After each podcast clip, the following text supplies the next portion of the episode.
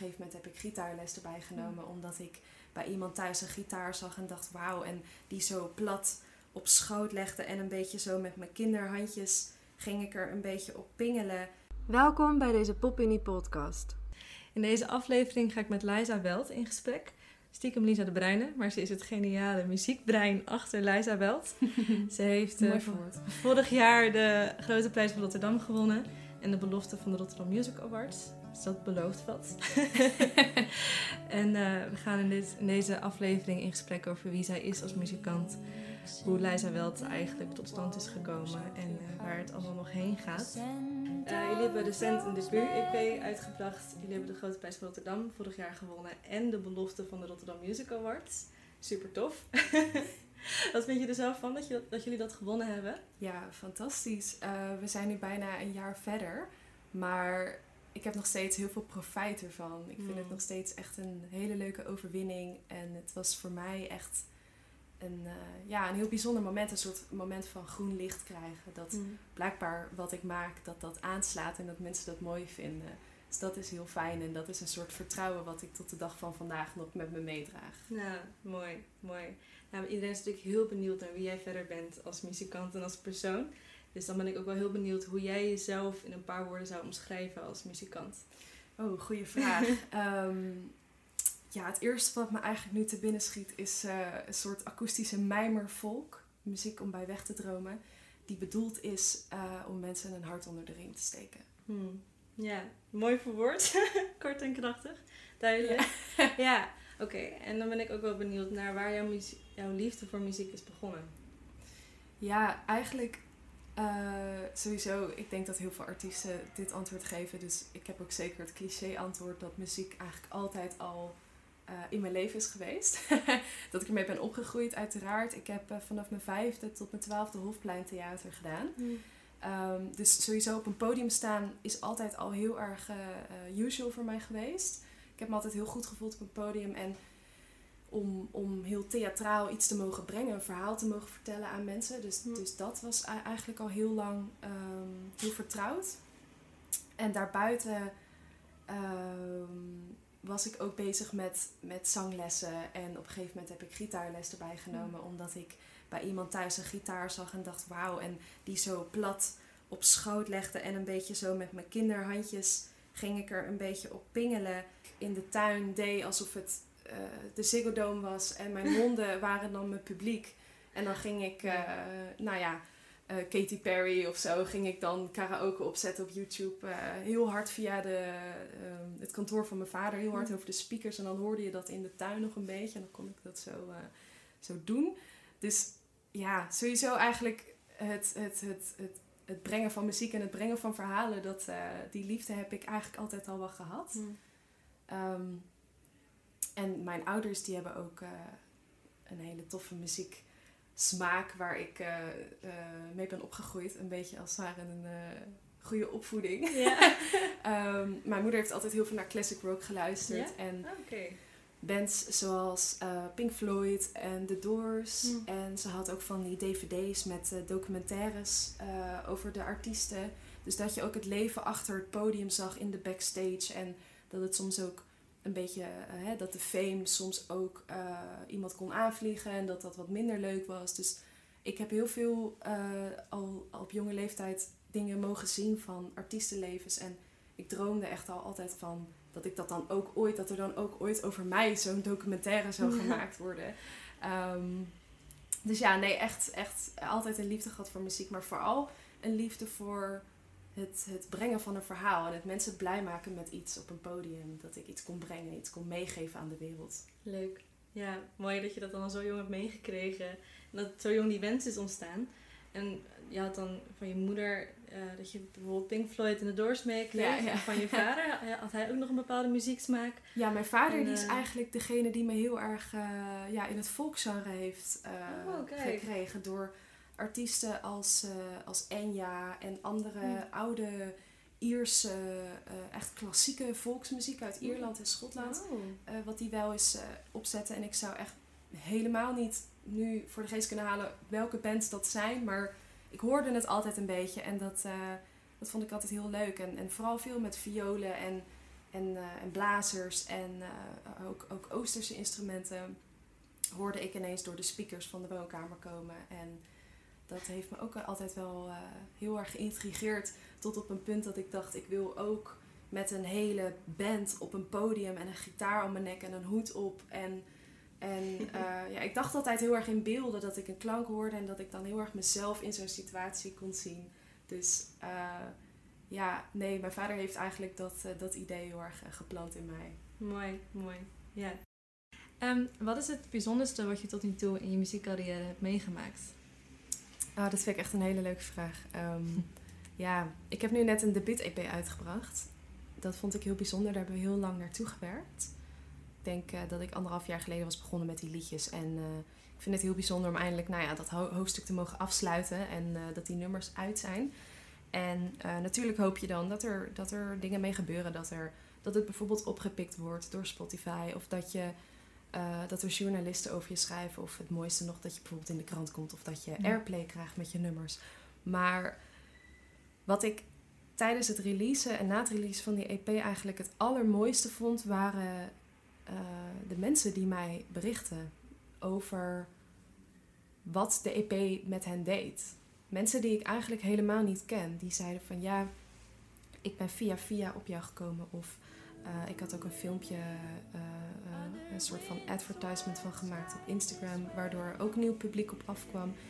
En ineens zaten er mensen in mijn DM's die ik helemaal niet kende, maar die echt zeiden van ja, ik sta op met jouw EP.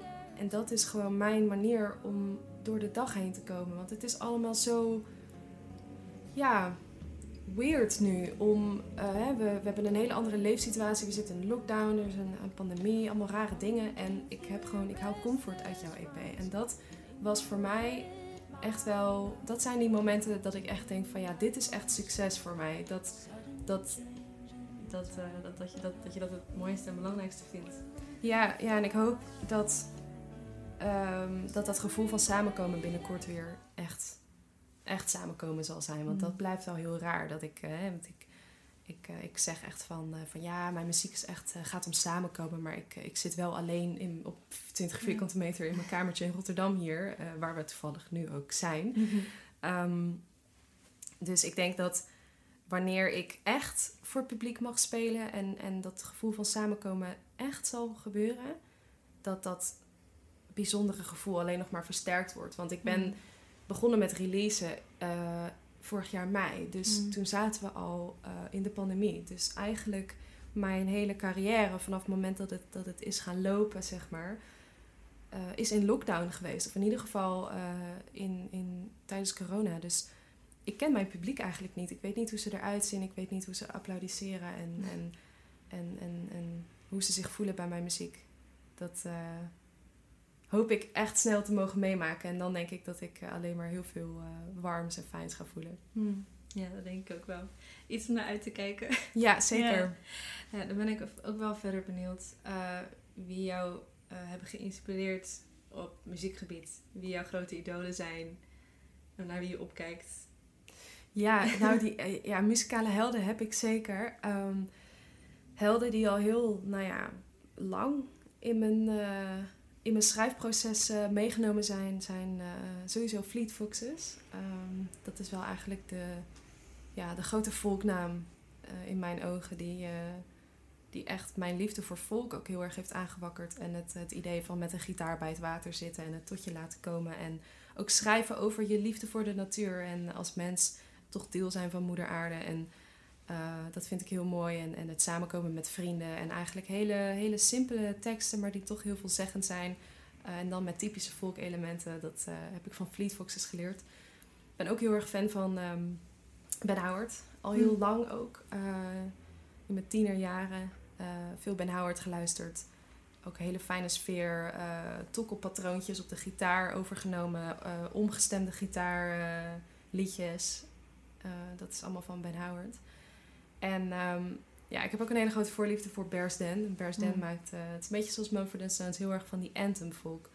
Uh, echt, echt met van die, van die super catchy hooklines in de refreinen. Echt bijna popmuziek, maar dan in een banjo en country folk jasje gestoken als het ware. dat vind ik ook super leuk. Ik ben op dit moment met mijn nieuwe werk nog steeds het meeste geïnspireerd door Bear Stand. Daar laat ik me nu het meest door leiden.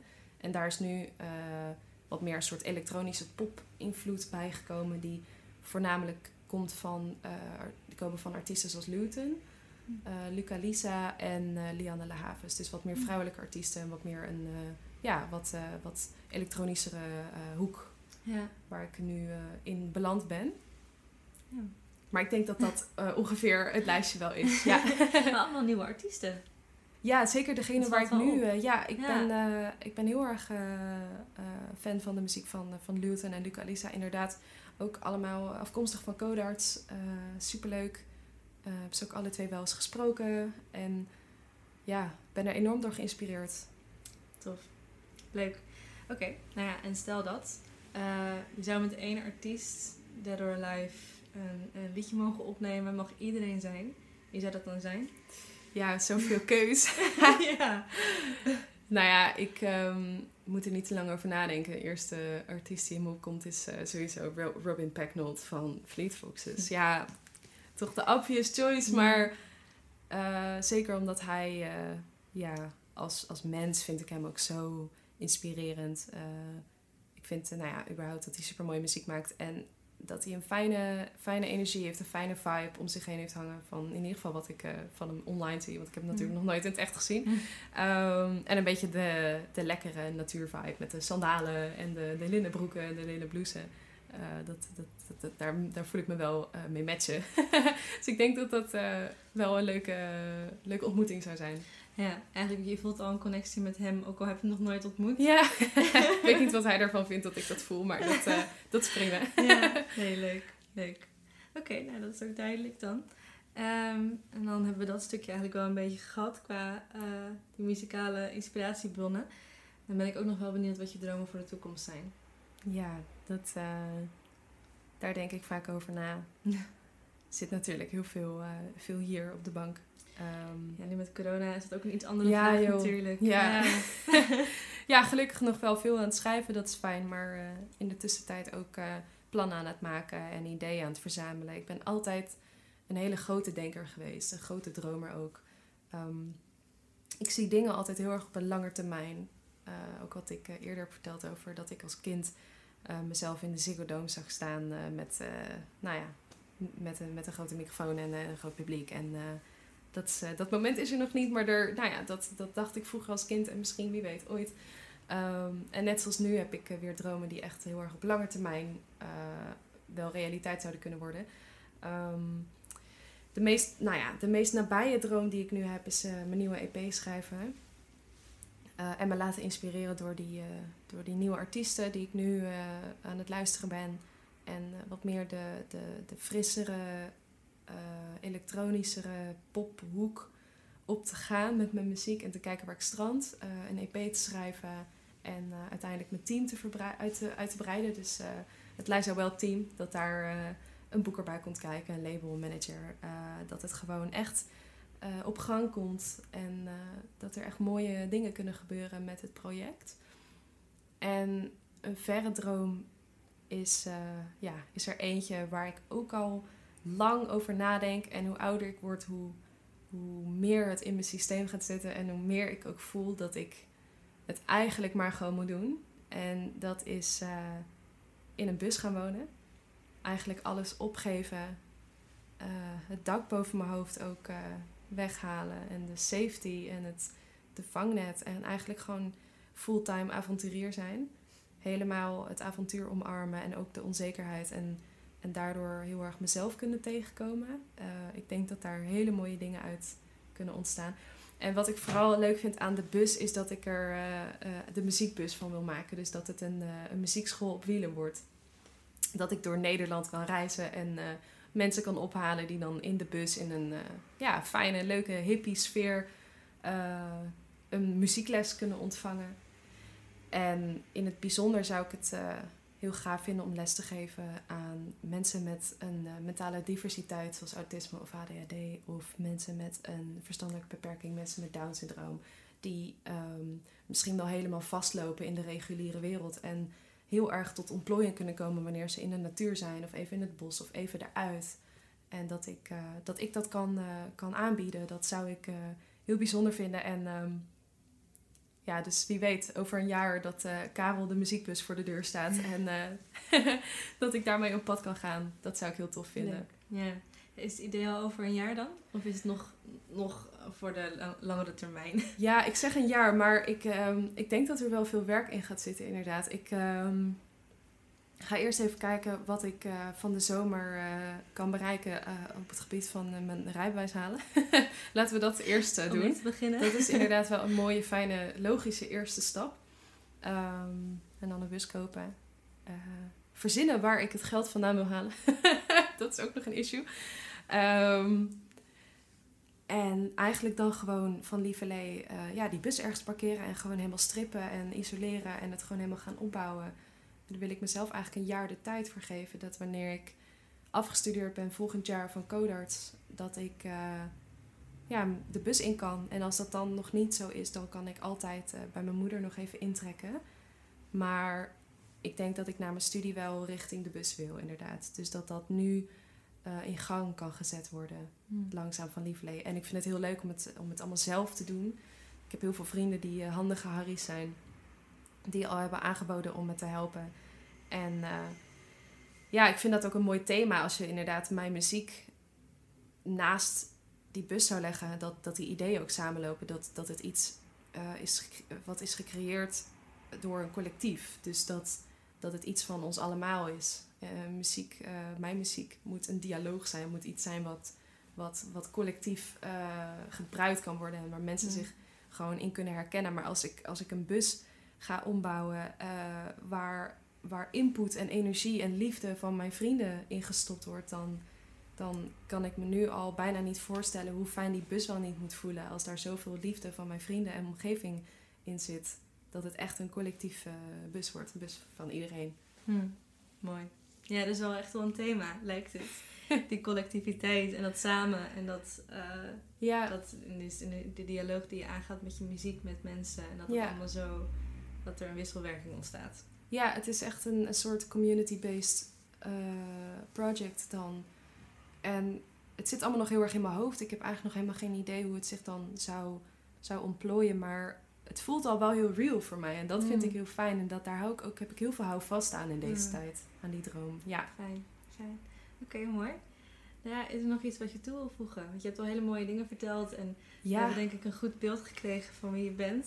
Klopt. Maar is er iets wat je gewoon nog graag kwijt wilt over jezelf of over je muziek? Of... Mm, ja, nou ja, ik heb nu net uh, mijn debuut-EP uh, eh, uitgebracht. En uh, nou, daar hebben we het eigenlijk in a way ook al wel over gehad. Ja. Dat is een, een combinatie, een soort bundeltje van vier akoestische gearrangeerde mijmervolk liedjes, zoals ik het graag noem. Um, die heel erg gaan over de liefde voor de natuur en waarin ik echt bepaalde volkelementen wilde toevoegen.